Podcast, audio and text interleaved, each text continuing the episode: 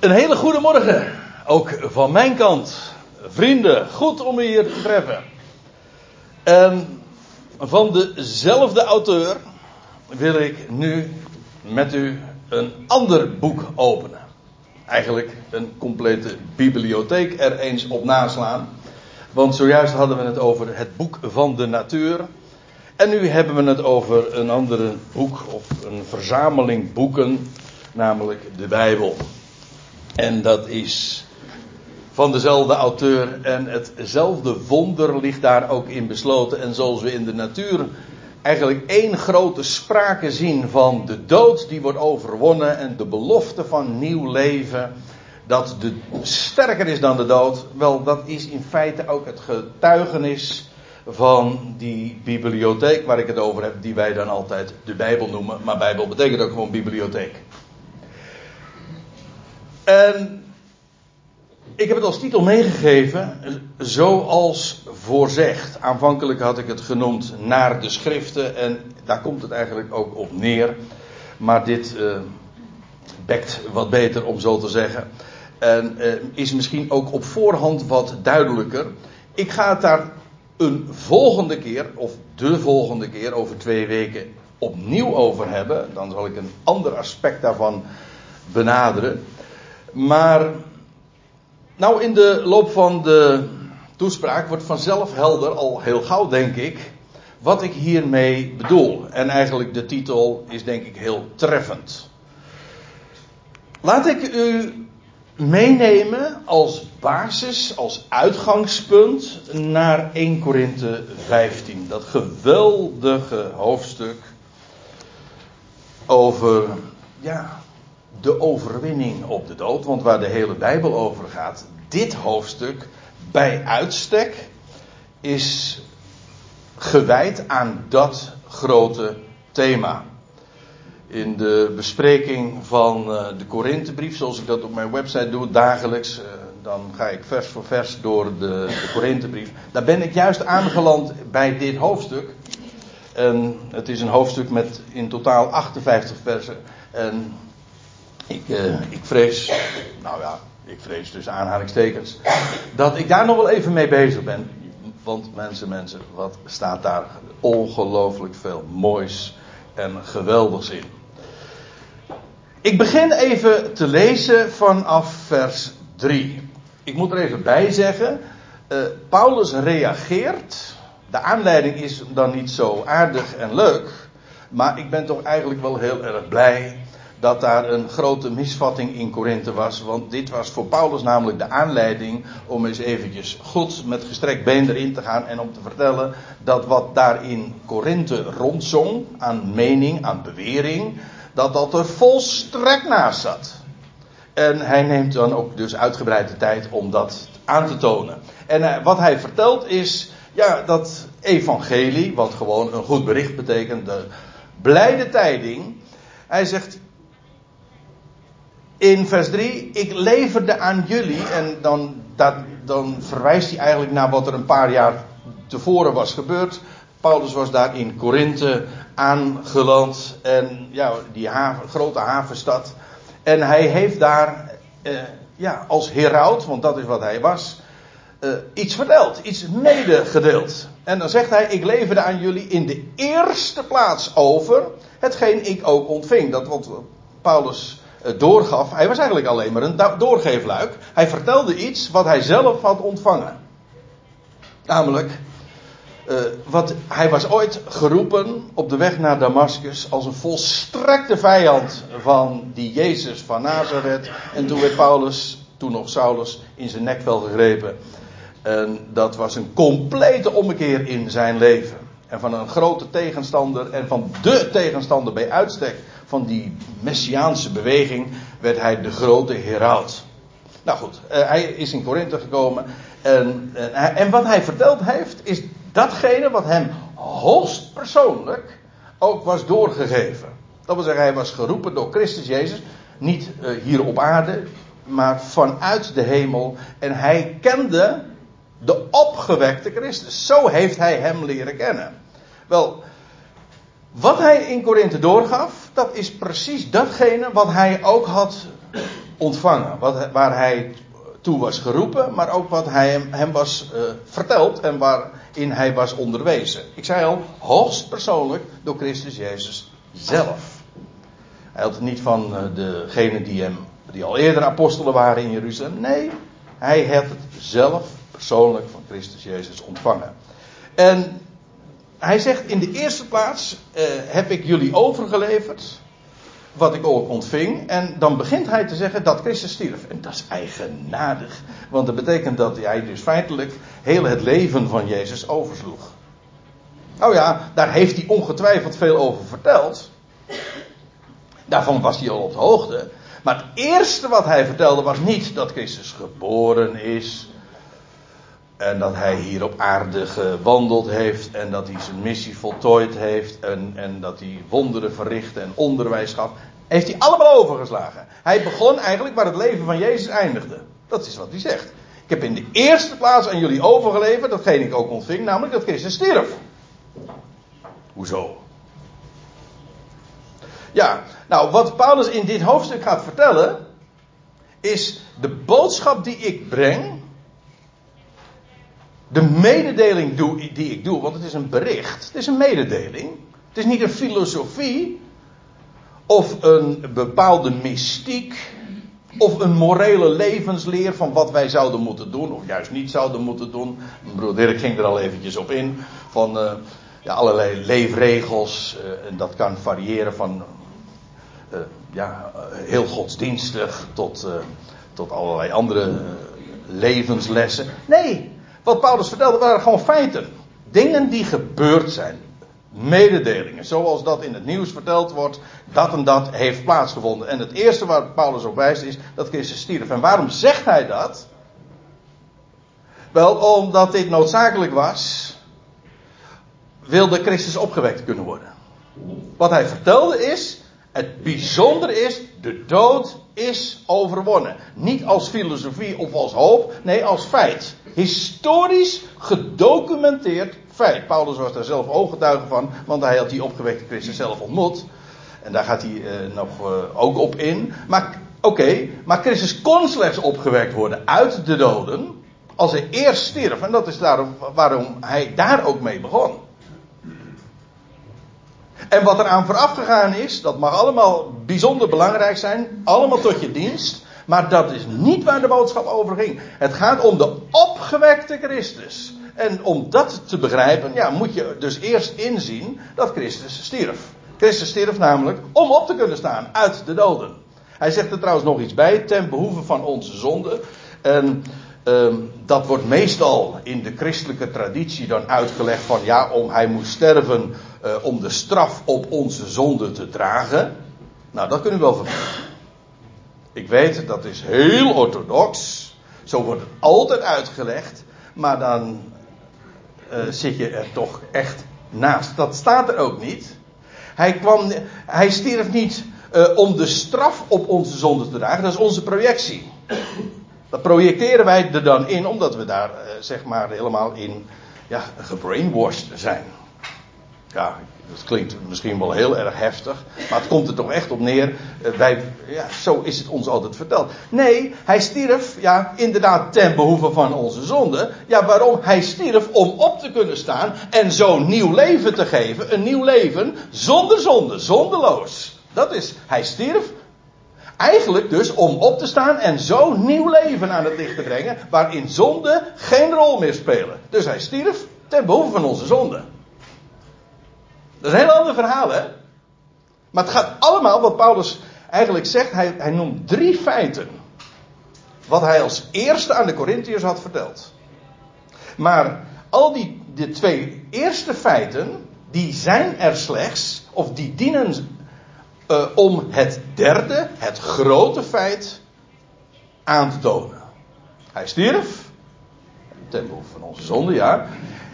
En dan staat er verder, en dat hij werd begraven. Hij werd in een graf gelegd. Waar hij vervolgens drie dagen in lag. Ja, niet bij wijze van spreken. Of als, uh, ook hier weer als, uh, als beeldspraak. Nee, letterlijk. Gewoon historisch. Trouwens, uh, dit is ook nooit ontkend. Dat hij stierf, ja, de, dat trouwens op zich is dat ook niet zo bijzonder, dat een mens sterft, want dat doen we namelijk allemaal. Nou ja, hoe hij stierf, dat is wel heel bijzonder, dat is waar. En waarom hij stierf, en als, als eigenlijk als ultieme uiting van onrecht, oké, maar dat hij stierf, en vervolgens werd hij begraven in een nieuw graf met de steen ervoor, bovendien verzegeld door de Romeinse keizer ook nog eens een keer met een wacht erbij, want ja, er was een enorme oppositie van de, vanuit het Jodendom, et cetera. Hij werd begraven, dat is feit 2. Dus hij stierf, dat is één. Hij werd begraven, wat dus eigenlijk dus uh, weer onderstreept, hij was echt dood.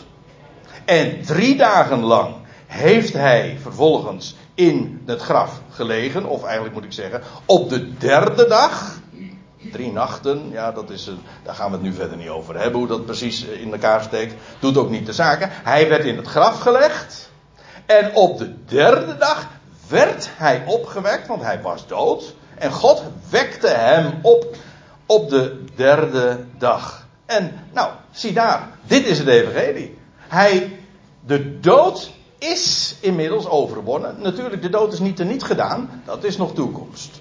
En Paulus laat ook zien in dit hoofdstuk, dat is nog een heel proces. Gods werk is nog lang niet af. Werk in uitvoering. Maar de basis is gelegd. Daar voor het eerst werd de dood overwonnen. Inderdaad, er waren al eerder mensen ook opgestaan, waar opgewekt uit de doden, maar die mensen stierven allemaal weer, opnieuw. Deze is de eersteling, de eerste die nieuw leven aan het licht bracht. Onvergankelijk leven, om namelijk nooit meer te sterven. Een soort leven, ja, dat wij eigenlijk dus helemaal niet kennen. Wat wij hier leven noemen, is helemaal geen leven, dat is sterven. We zijn bezig dood te gaan. Er is echt, als, als je de vraag dus krijgt van is er leven na de dood, dan is het eigenlijk het enige antwoord, als er leven is, dan moet het na de dood zijn. Want voor de dood is het niet, dat sterven. Er is leven, ja, inderdaad. De eersteling is er. De eerste, hij heeft het aan het licht gebracht. En als de eerste er komt, en u weet het, het eerste is altijd het belangrijkste, dat is de basis. Als er één schaap over de dam is, hè, dan volgen er meer. Nou, de hele oogst gaat nog volgen. Die eersteling is een garantie dat de rest nog gaat volgen. Heel de mensheid, al die miljarden mensen, gaan hem hierin volgen. Ja, dat is een heel proces en daar kan nog van alles aan vooraf gaan. Maar dat is de bestemming. Dat is de uitkomst. Dit is echt zo'n geweldig bericht. Aan iedereen kan ik dat vertellen. Christus Jezus is de eersteling. Hij bracht nieuw leven aan het licht. En dat leven, geloof het of niet, als het niet geloof blijft het nog net zo waar. Dat leven krijg jij. Ja, alsjeblieft. Alsjeblieft. Belieft. Belieft. Maar als je het niet belieft, blijft het net zo waar. Kijk, dat is, dat is heerlijke feiten.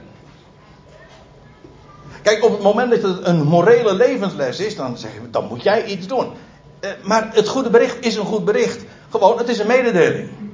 En wat kun je ermee? Eh, er wordt niks van je gevraagd. Echt niet. Er wordt niks van je gevraagd. Op het moment dat er iets van je gevraagd wordt, dan weet ik één ding zeker: het is geen bericht. En geen, in ieder geval geen goed bericht. Nee, er wordt, niks, er wordt iets medegedeeld. Dit is het verhaal. Dit, dit is het. C'est la vie. Ja, met recht vier. Dat is, dit is het leven. En ja, hij, eh, de opgewekte Christus, dat is in feite de essentie van het evangelie. En dat is precies ook wat Paulus zegt. Nou, dat heb ik in de eerste plaats aan jullie verteld. En dat Christus stierf en dat hij werd begraven. Dat, is, dat was noodzakelijk. Waarom? Opdat hij op de derde dag uit de doden werd opgewekt. En dan staat er verder, want ja, dat is dan het vervolg. En hij werd gezien, en dan gaat Paulus volgen. Nou, door Kefas, door de twaalf. En uh, door de da dames, die trouwens hier niet genoemd worden. Wat hem trouwens nog steeds nagedragen wordt. Maar goed. Uh, en een keer zelfs door 500 broeders tegelijk. Ja, we praten hier over een historisch gedocumenteerd gegeven. Niet alleen Paulus zelf zegt van ja, ik heb het oog in oog met hem gestaan. Ik ben door hem zelfs onderwezen. Op een hele bijzondere wijze. Want hij zegt, ja, ik ben de laatste. Ik tel eigenlijk niet eens mee. Ik ben in ieder geval ook niet eens waard om een apostel te heten, want ik heb de gemeente gods vervolgd. Dus hij was er eentje in een hele aparte categorie. Maar niettemin, hij, het is, kijk, als je dan zegt van ja, maar is, eh, kan je dit bewijzen? Eh, kan je dit bewijzen? Nee, ik kan het niet bewijzen. Het is gewoon bewezen. Dat is precies 1 Korinthe 15. De documenten liggen er. Dit is een heel, eh, dit is een favoriet onderwerp. Ik zou hier graag eh, verder over doorgaan. Want dit vind ik, dit is zo essentieel. Ja, het, het, we hebben het over inderdaad feiten. Uh, hij werd niet gezien door het hele volk, dat is waar. Maar door degenen die tevoren met hem waren opgetrokken. Zo, zoals hij trouwens ook van tevoren had gezegd. Hij zegt, want de wereld ziet mij niet meer. Maar jullie zien mij. I'll be back again. En uh, wacht maar af. En, en, inderdaad, hij is aan hen verschenen. Hij werd gezien en zo in. en het wordt hier allemaal uh, in het vervolg uh, nage, of benoemd, zo samengevat. Nou, heb ik één ding echter overgeslagen. Want u ziet dat ik hier nog iets heb overgeslagen en een, een kort zinnetje. Een kort zinnetje dat herhaald wordt. Terwijl dat nu juist ook wel degelijk bij de essentie hoort. En juist daarover wil ik het hebben. Oké, wat Paulus dus eigenlijk zegt is: Ik vertelde jullie, Corinthiërs, de boodschap. Christus stierf, begraven en op de derde dag werd hij opgewekt uit de doden. Ja. En nou zou je zeggen, nou dat is het. En dan zeg ik, ja dat klopt, dat is helemaal waar. Maar één ding heb ik nog heb ik overgeslagen, terwijl dat juist heel essentieel blijkt te zijn. Dat is dat, dat ene stukje wat, ik, eh, wat in deze puzzel nog ontbreekt. En dat is dit, deze woorden. Naar de schriften. Zo staat het in overeenstemming, dat is wat dat woordje naar betekent, dat wil niet zeggen dat het naar is. Nou ja, uh, in overeenstemming met de schriften. De schriften, dat, is gewoon, dat zijn de boeken. De boekrollen, zo je wilt. Nee, wat dat, nee, nee de, dat wat geschreven is. Uh, meervoud. Ik zei al, de Bijbel is een bibliotheek. Trouwens, de Bijbel is inmiddels nog weer veel. Uh, is nu compleet. Het zijn nu 70 boeken. Uh, in de dagen dat Paulus dit noteerde, als hij het heeft over de schriften, dan heeft hij het over het, wat wij dan het Oude Testament noemen. Een wat ongelukkige term, maar goed, daar vallen we nu even niet over. Het is gewoon de Hebreeuwse Bijbel. Wat Paulus zegt, is dat Christus stierf en werd begraven en opgewekt uit de doden, dat is in overeenstemming, hij benadrukt het door het te herhalen, naar de schriften. In overeenstemming met de schriften. En dat verklaart ook meteen, de, de titel van deze toespraak, namelijk zoals voorzegd. Want dit is namelijk niet zomaar een feit dat 2000 jaar geleden heeft plaatsgevonden na duizend jaren menselijke geschiedenis vanaf Adam. Nee, Nee, vanaf de dagen van Adam is dit al voorzegd. Trouwens, naar de schriften wil al niet, is nog breder dan alleen maar dat het voorzegd is, want het is niet alleen maar voorzegd, expliciet uh, verteld van dat het zo zou gaan. Dat is wat voorzeggen is. Er zijn ook uh, allerlei andere aanwijzingen geweest. Dat is minder sterk. Maar die maken de, de expliciete voorzeggingen wel uh, des te krachtiger. Want ik bedoel dit gewoon te zeggen, naar de schriften, eh, er zijn talloze aanwijzingen, hints. Wij noemen dat dan ook typen. Waarin je dat gewoon al bewezen ziet. Eén voorbeeld, eh, om eventjes eh, aan te geven wat mijn punt is. Dan gaan we meteen naar Genesis 1. Wat, wat was de eerste dag dat er leven ontstond. Of waar, dat dat vermeld wordt. Dat was op, ja, de derde dag. Trouwens, dat was ook de dag waar verhaald wordt dat land tevoorschijn kwam uit de doodswateren. Op de derde dag. Dus uit de dood komt leven. En dan vervolgens lees je op die dag dat voor het eerst ook sprake is van dat, uh, hoe staat het er, van gewas en van zaaddragende bomen, et. Dat soort dingen. Leven. Is dat een bewijs of is dat een, een voorzegging dat op de derde dag het nieuwe leven zou aan het licht komen? Nee, geen bewijs. Maar het is wel helemaal in lijn met. Het is een aanwijzing. Als je, en, en, als je, en als je er nou maar genoeg van hebt, dan struikel je er op een gegeven moment over. En dan kun je het ook meteen op een gegeven moment zelfs. uh, ja, dan, dan zeggen we ja, de, natuurlijk, zo gaat het altijd. Dat zijn de structuren die in de schrift besloten liggen. En zelfs in de schepping. Op de derde gebeurt het. Juist van de week heb ik daar nog weer uh, mooie dingen over gehoord. Ik heb daar uh, ooit uh, een cursusje retorica gedaan. U zegt van, dat moet je nog eens doen, misschien. Ehm, maar daar werd ook altijd verteld, een goede toespraak bestaat in drieën. Trouwens, al het goede komt in drieën, toch? En dan zeggen we 1, 2. Ja, precies.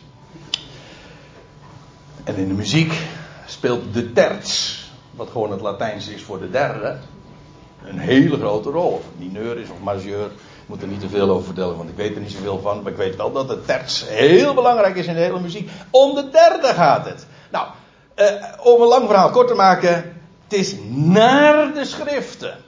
En wat ik nu eigenlijk vanmorgen wil doen, is wat Paulus hier zegt in de Korinthebrief, namelijk dat hij in de eerste plaats, als hij ergens kwam, ja, dan moest hij eerst duidelijk maken dat hij het over God had. Oké, kom daar straks nog eventjes op terug. En wie dat er één God is, dat moet je eerst weten. Als je geen weet hebt van God, ja, dan hoef je over, over Christus en dergelijke niet te spreken.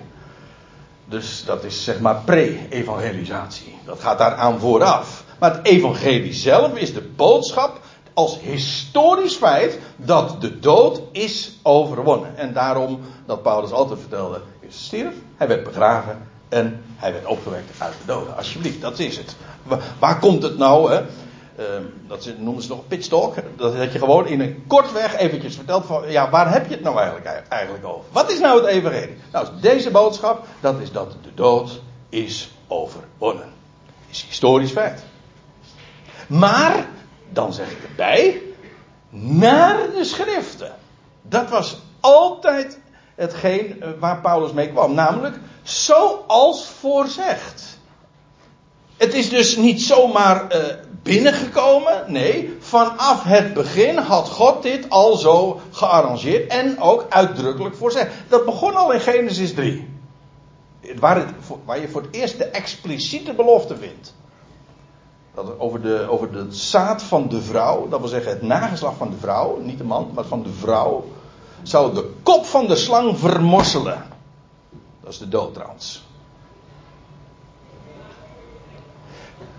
En wat dacht je wat? Heel de sterrenhemel getuigt daarvan. Wist u dat? Van die boodschap dat het dat het zaad van de vrouw de kop van de slang zou vermorselen. Er zijn 48 sterrenbeelden. Ik weet het, christenen zeggen dan van, oh, daar mag je maar niet mee uitkijken. Of daar mag je niet aan zitten, want dat is van de duivel of zo. Onzin. De, schep, de sterrenhemel is getuigd van de schepper. Natuurlijk. Hij is de maker daarvan. Alleen die sterrenbeelden spreken niet van u, u en mijn leven. Die sterrenbeelden spreken uiteraard van wie hij is. De hemelen vertellen zijn eer. En vertellen het werk van zijn handen, wat hij te melden heeft. En al die 48 sterrenbeelden. Van de maagd tot aan de leeuw aan toe. Ik zeg het expres zo. van het eerste sterrenbeeld tot het laatste sterrenbeeld. Er zijn er in totaal 48, 12 met elk drie decanen. Al die 48 sterrenbeelden. Vanaf de dagen van Adam. Geven het getuigenis van de overwinning van het zaad van de vrouw op de kop van de slang. En dat is in feite buiten Bijbels getuigenis, want het heeft nog eens niks te maken met de Bijbel. Is precies wat mijn broer Dirk ook vertelde. Gewoon, ja, dat is de sprake van de schepping. Wij weten daar geen bal meer van natuurlijk. Want we kijken nooit meer naar, naar boven. En naar het licht van de hemel. We kijken alleen maar naar kunstlicht. Vooral in de decembermaand, toch? Ja, er is, er is ook weinig ander licht, dat geef ik toe. Maar goed, uh, ik bedoel dit te zeggen. Uh, vanaf het begin heeft de mensheid geweten van de sterrenbeelden. De schepper die belooft dat de dood wordt overwonnen. Men, dus ook de natieën zijn hiervan op de hoogte. Ja, nou, u ziet mij nu aarzelen. En uh, dat komt omdat ik hier graag wat meer over zou willen zeggen. Hoe dat allemaal, uh, hoe de natieën dat ook inderdaad wisten. Ik doe gewoon de wereld, ook buiten het Joden, buiten Israël om. Ga ik niet doen. Wat ik wil vertellen is, het is naar de schriften. Wat Paulus vertelde is, het is allemaal aangekondigd. Tevoren beloofd.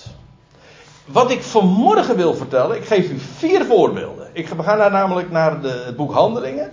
En dan laat ik zien dat al. En ik beperk me alleen even tot Paulus. Ik laat de twaalf even buiten beschouwing. Nee, Paulus, de apostel die gezonden was naar de natie. Hij, die is speciaal voor ons vandaag. Nou. En inderdaad, dat als die ergens komt, dat hij inderdaad altijd dat evangelie vertelt. Dat goede bericht. Precies zoals hij dat hier ook naar voren brengt. Maar dat hij daarbij inderdaad ook altijd de schriften opende. En dat hij aantoonde, aantoonde dat het voorzegd was. Dat is belangrijk. Hij bewees.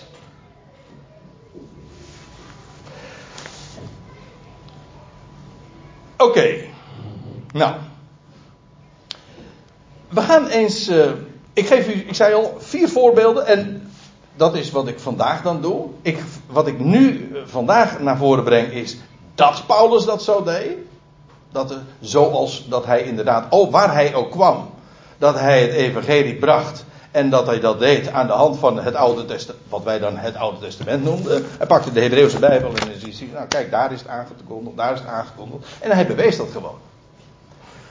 En de volgende keer, ga ik niet zozeer uh, vertellen over uh, dat hij dat deed, maar wat hij dan specifiek deed.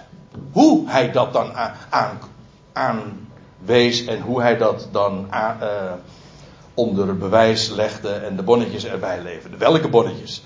Dat is dus dat is deel 2. Oké, we gaan eerst eens naar het eerste voorbeeld daarvan. Uh, in het boek Handelingen dus. En dan gaan we naar hoofdstuk 13 en dan is Paulus in Antiochië. Daar zijn er twee van, maar ik bedoel het Antiochië dat in Zuid-Turkije ligt. Het huidige Zuid-Turkije. En dan lees je dat hij in de synagoge is. Paulus was een Jood. Eerst ging hij altijd in de stramien, in het boek Handelingen altijd.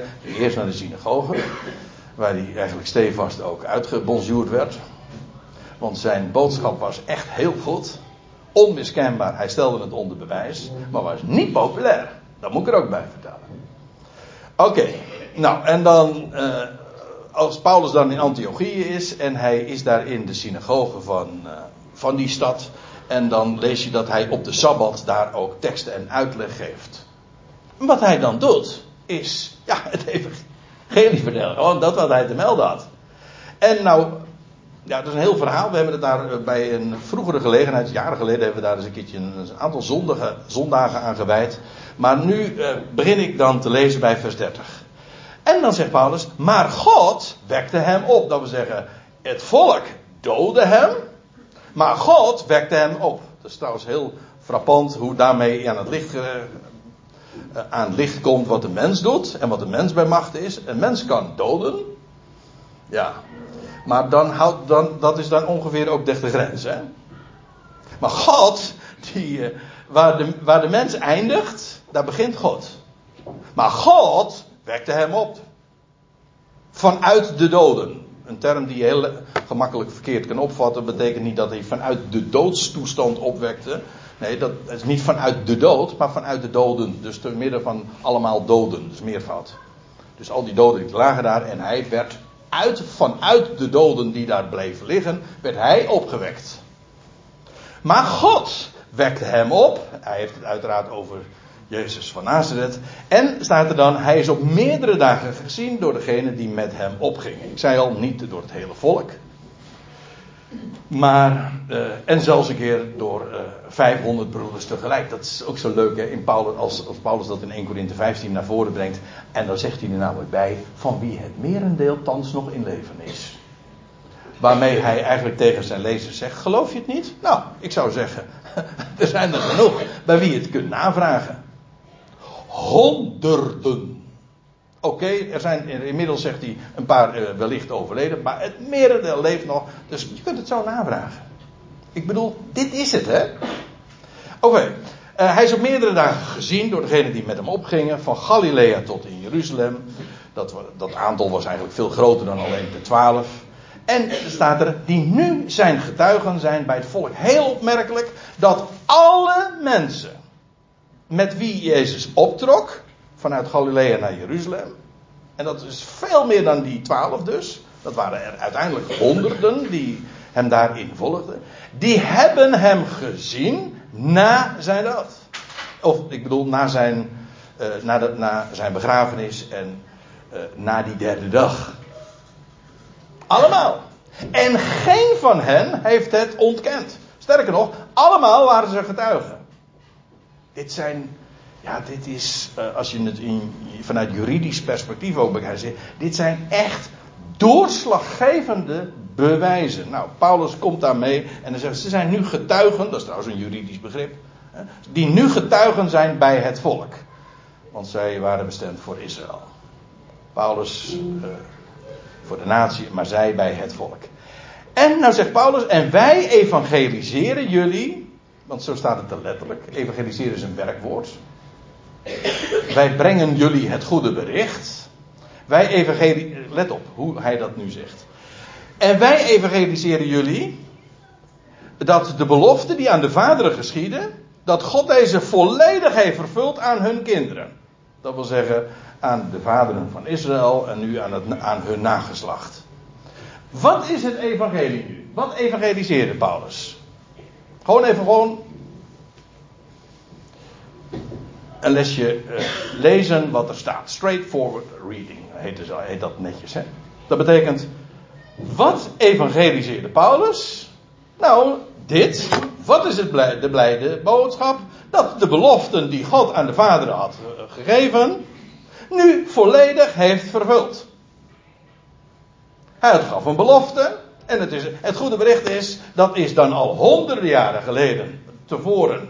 Hè, uh, bij allerlei gelegenheden uh, aangekondigd. En nu is het inmiddels vervuld. En zie daar, dat is het evangelie. Dan is het dus uiteraard heel erg belangrijk dat je wel weet dat het inderdaad tevoren is aangekondigd. Het goede bericht is, God heeft zijn belofte vervuld. En de belofte is hier eigenlijk een verzamelnaam, want in werkelijkheid zijn het vele beloften.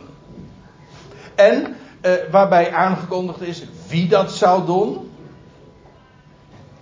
Uh, wat zijn stamboom zou zijn. Dat is eigenlijk wat ik nu zeg, dat is het onderwerp voor de volgende keer. Maar om even aan te geven, om daar een concreet idee van te hebben. Wie hij zou zijn, wat zijn naam zou zijn, welke stamboom zou hij zou hebben, waar hij geboren zou worden, wat hij zou doen, hoe hij aan zijn eind zou komen, etcetera, etcetera, etcetera.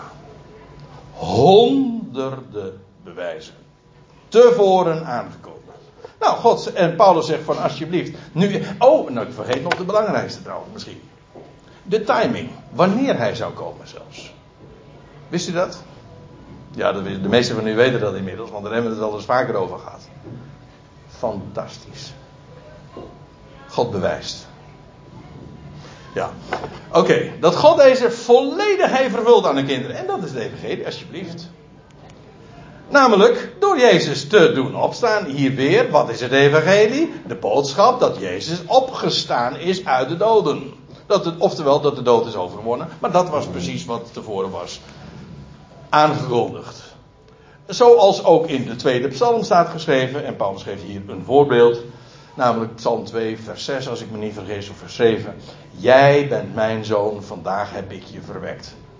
Dat was een woorden die duizend jaar eerder door David waren uh, geschreven, in Psalm 2 dus. En David spreekt daar over de zoon van David. Eigenlijk een tellig uit zijn eigen, uit zijn eigen stamboom, om zo te zeggen.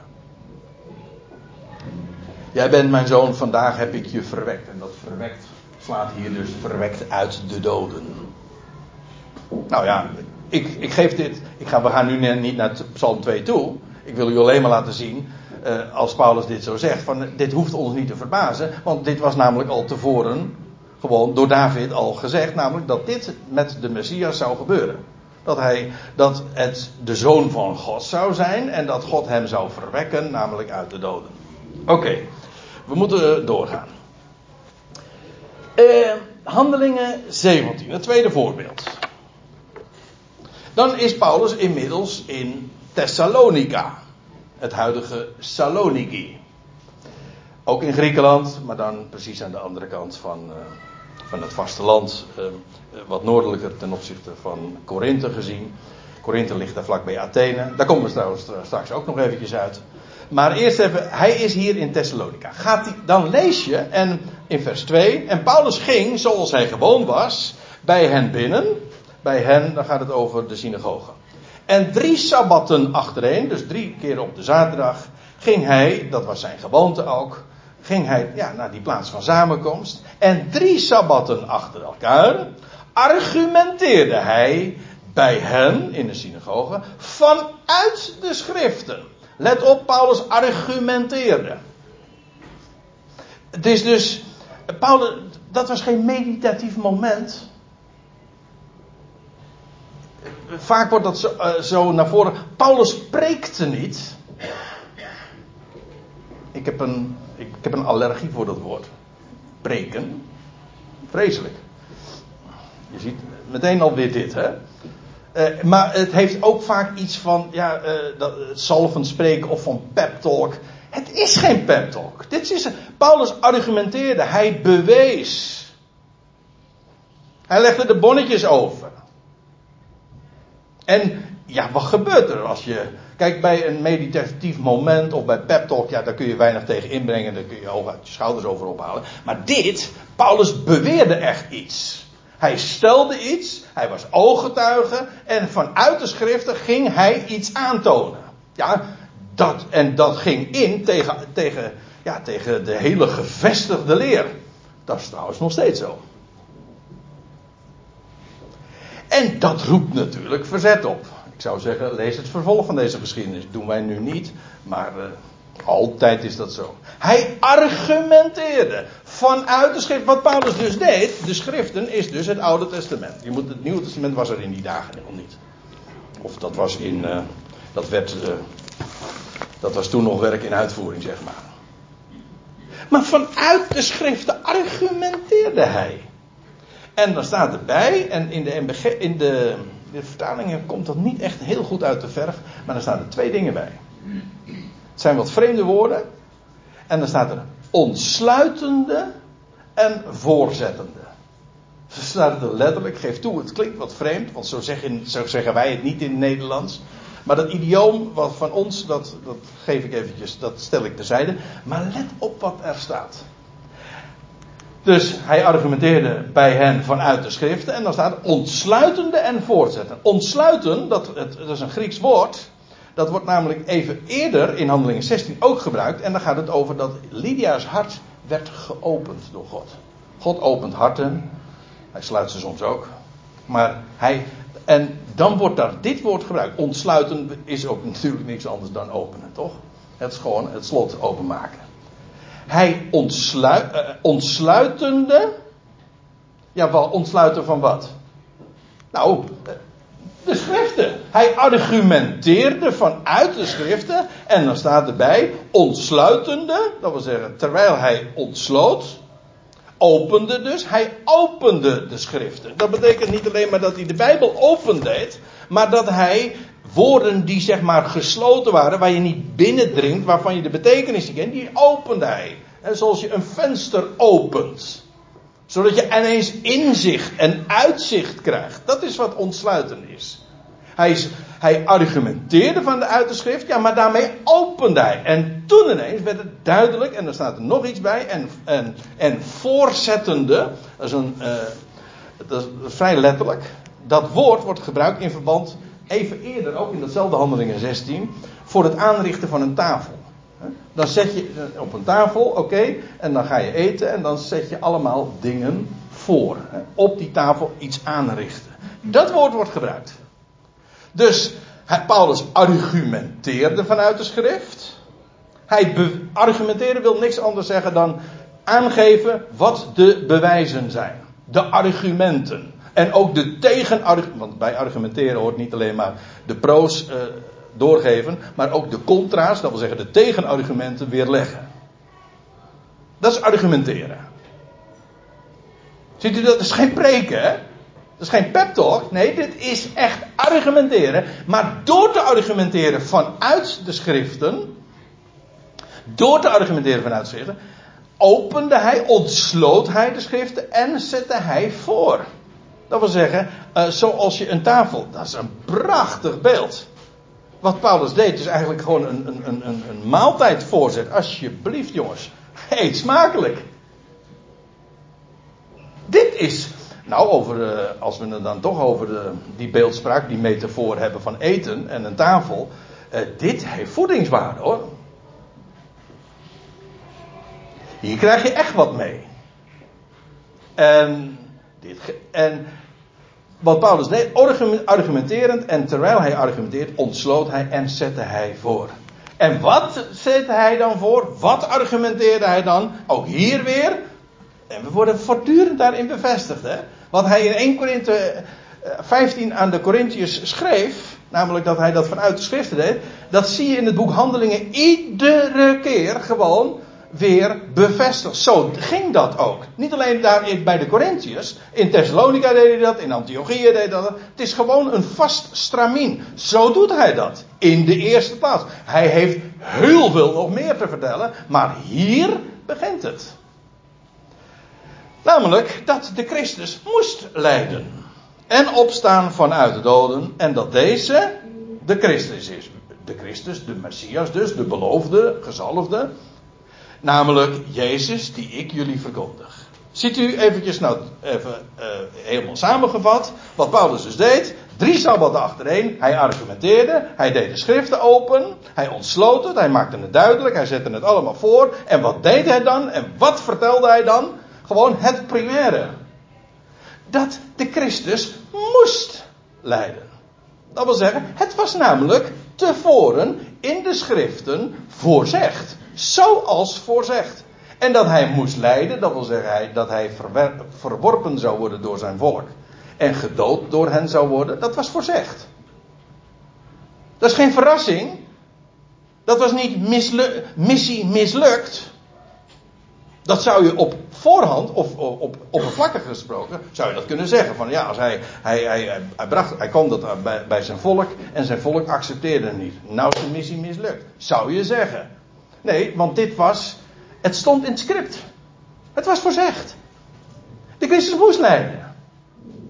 En zo opstaan vanuit de doden. Dat was, het moest, hoezo? Wel, het was voorzegd. Het kon niet anders. Het stond in het script. Het was programma. Zo had God het gepland. Precies zoals eh, Dirk daar ook mee begon. Er gaat nooit iets mis bij God. En zelfs al gaat het fout, dan gaat het nog niet mis. Dat is een diepe, maar goed, u begrijpt hem wel.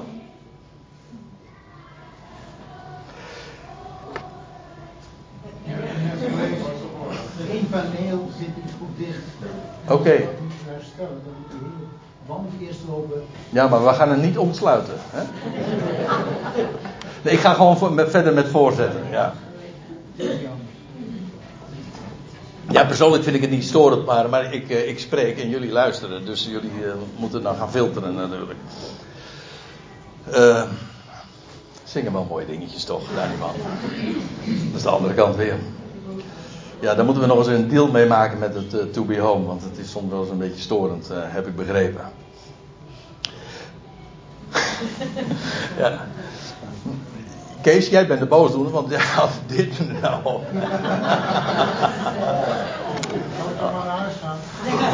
Nee, Kees blijft gewoon lekker rustig zitten, joh. Oké. Maar ik ga, ik ga verder. Eh, bewijs nummer drie. Of ja, voorbeeld nummer drie. Handelingen 17 is Paulus inmiddels in Athene. Hij was eerst in Thessalonica geweest en dan vervolgens, dan, maakt, dan gaat hij, daar was hij uitgekikt, hè, daar was hij uitgezet.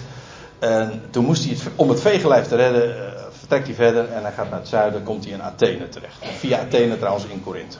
Enfin, is hij in Athene? Dit is trouwens een andere setting, want nu is hij in een publiek, niet in de synagoge, maar is hij op de Areopagus. In een volstrekt uh, niet religieuze, nou dat zeg niet, uh, niet een Joodse setting, maar in, uh, gewoon in de wereld.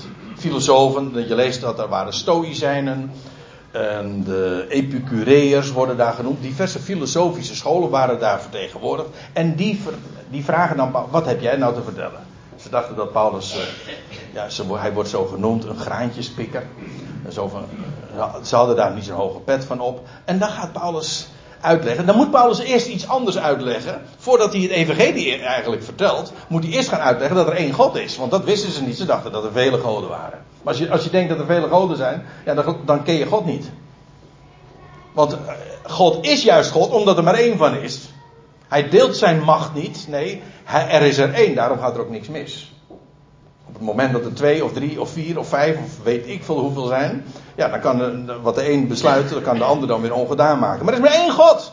Er is maar één God. Eén die alles een plek geeft en plaatst. Dus er kan nooit iets misgaan.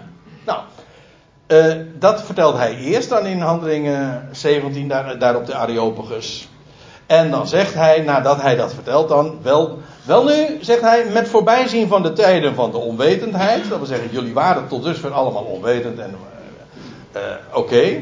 Geeft God nu de opdracht aan de mensen, allen overal, allen overal zich te bezinnen. Dat wil zeggen, Paulus heeft iets te melden. Hij zegt, en wat kun je daarmee doen? Je wordt, je wordt iets verteld. En wat moet je daarmee doen? Nou, bezin je daar eens op. Niet zoals de NBG-vertaling zegt, ga je bekeren, want dat is, dat is veel te godsdienstig. Het woord wat hier gebruikt wordt is metanoia. En noia heeft te maken met de denkzin. Dat wil zeggen, ga omdenken. Je krijgt nieuwe informatie en dat vraagt erom om verwerkt te worden. Bezin je daarop. Check het. Wees kritisch daarop. En controleer het maar en, en stel vast dat het waar is. Paulus daagt uit eigenlijk. Nou, hij zegt, jullie waren onwetend. Nu vertel ik u hoe, de vork aan de steel zit. En wat, uh, ja, wat moet je dan doen? Moet je dat zomaar uh, slikken allemaal? Nee, hij zegt, bezin je daarop. Denk daarover na. En verwerk het. En, en denk daar kritisch over. En als je weet dat je de waarheid spreekt, kun je dat ook doen. Kun je de mensen zo uitdagen. Want dan denk je van, als het kritisch genoeg doen, dan komen ze erachter dat het waar is.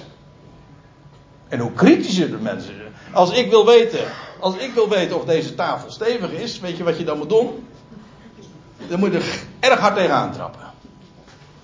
En als hij dan nog steeds staat, dan zeg je, nou, zo'n redelijk stevige tafel.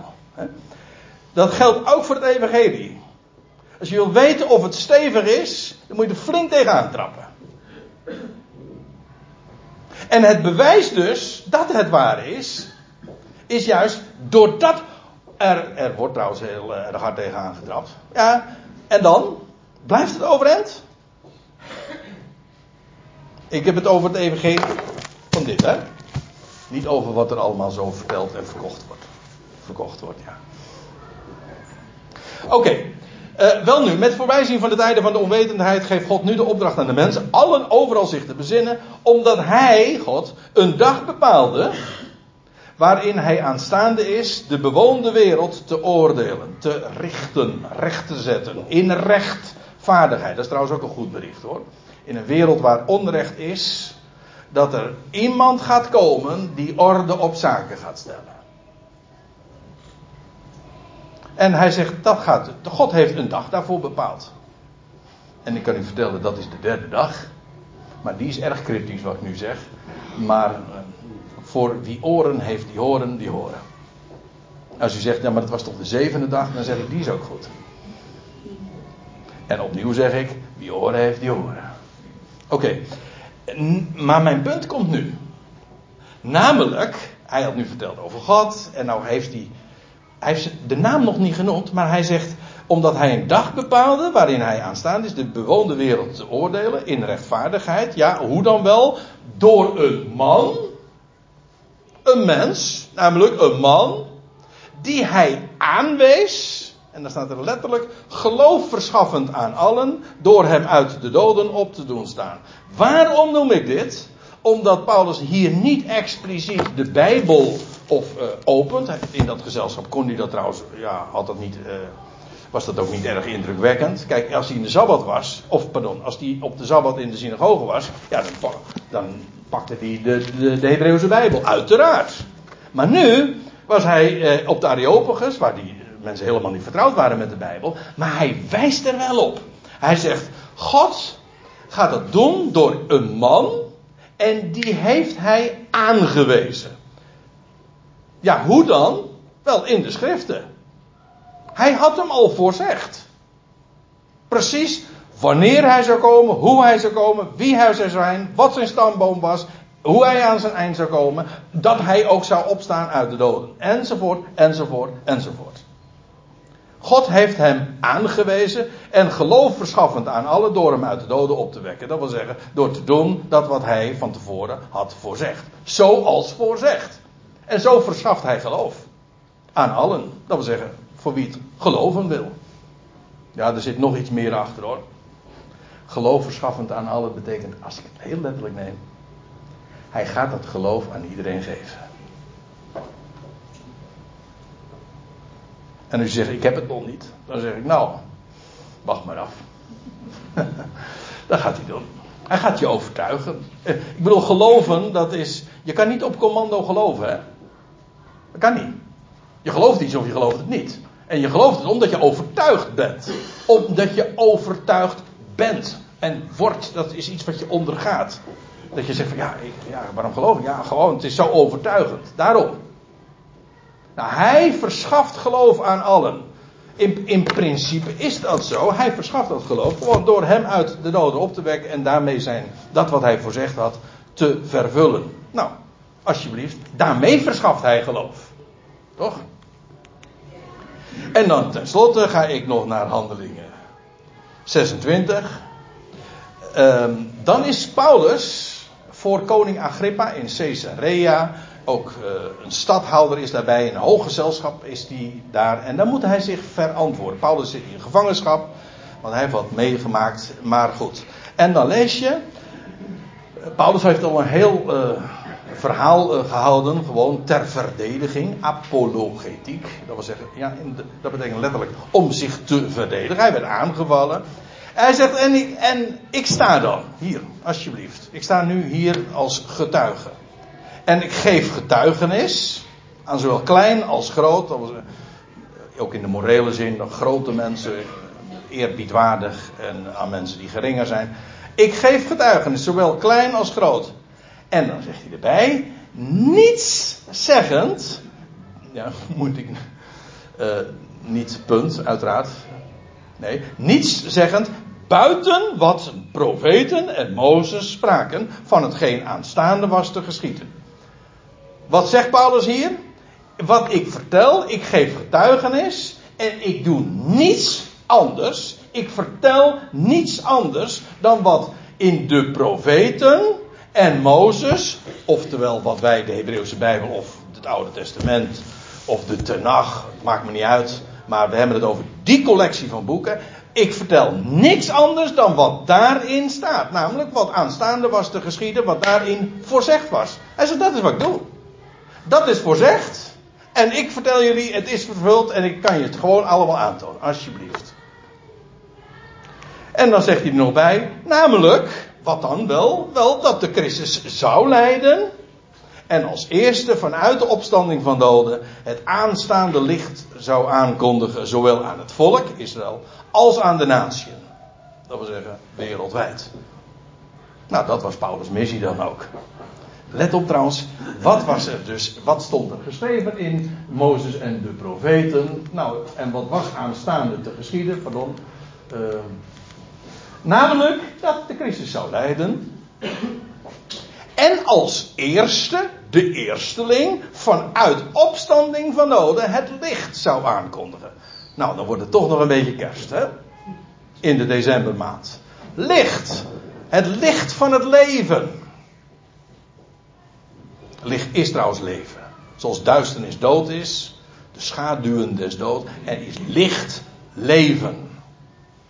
Vandaar dat mensen ook een, een groene boom, een boom die zijn blaadjes niet laat vallen, maar een boom eigenlijk het trotseert het leven. Het trotseert de dood, sorry. Dat is die groene boom. Met lichtjes erin, vruchten eraan, ballen, weet je wel. Ja, als je eenmaal weet hoe het zit, dan zeg je van, wauw man, er staat gewoon het evangelie. In, in, in, in huis. Ja, bij ons nog niet. Maar goed, uh, u begrijpt wat ik bedoel. Het licht. Nou, dat is, dat is de boodschap. En dat is wat ik vertel. En dat is wat geschreven was, zoals voorzegd. Nou, eh, ik, het wordt hoog tijd om het samen te vatten. Het evangelie is een goed bericht. Hoezo een bericht? Vind ik heel belangrijk, hè? Het is een bericht omdat het een mededeling is van feiten. Wel gedocumenteerde feiten. Dat is één. Daarom is het een bericht. En geen filosofie of geen religie of geen mystiek. Iets vaags, mist. Nee, feiten. Een bericht. Het evangelie is een goed bericht omdat het bewijst dat God zijn belofte heeft vervuld. Dat wil zeggen, ja, een belofte kun je geven, maar belofte maakt schuld, dat weet u hè. Want ja, het, het is allemaal mooi beloofd. En nou is het afwachten dat het vervuld is. Nou, het, het is een goed bericht als, als de belofte eenmaal vervuld is. Precies op het juiste moment was de, tijd was uh, ook toen rijp. Het moest toen gebeuren. Daarom is het een goed bericht. En het evangelie zoals Paulus dat onder de natieën verkondigde, in de synagogen en daarbuiten, dat was gebaseerd op de Hebreeuwse Bijbel. Oftewel ons Oude Testament. Dat wil zeggen, hij kwam altijd en hij deed beschriften over het Oude Testament. En alles wat daarin staat, daag me niet uit. Alles wat daarin staat, getuigt daarvan.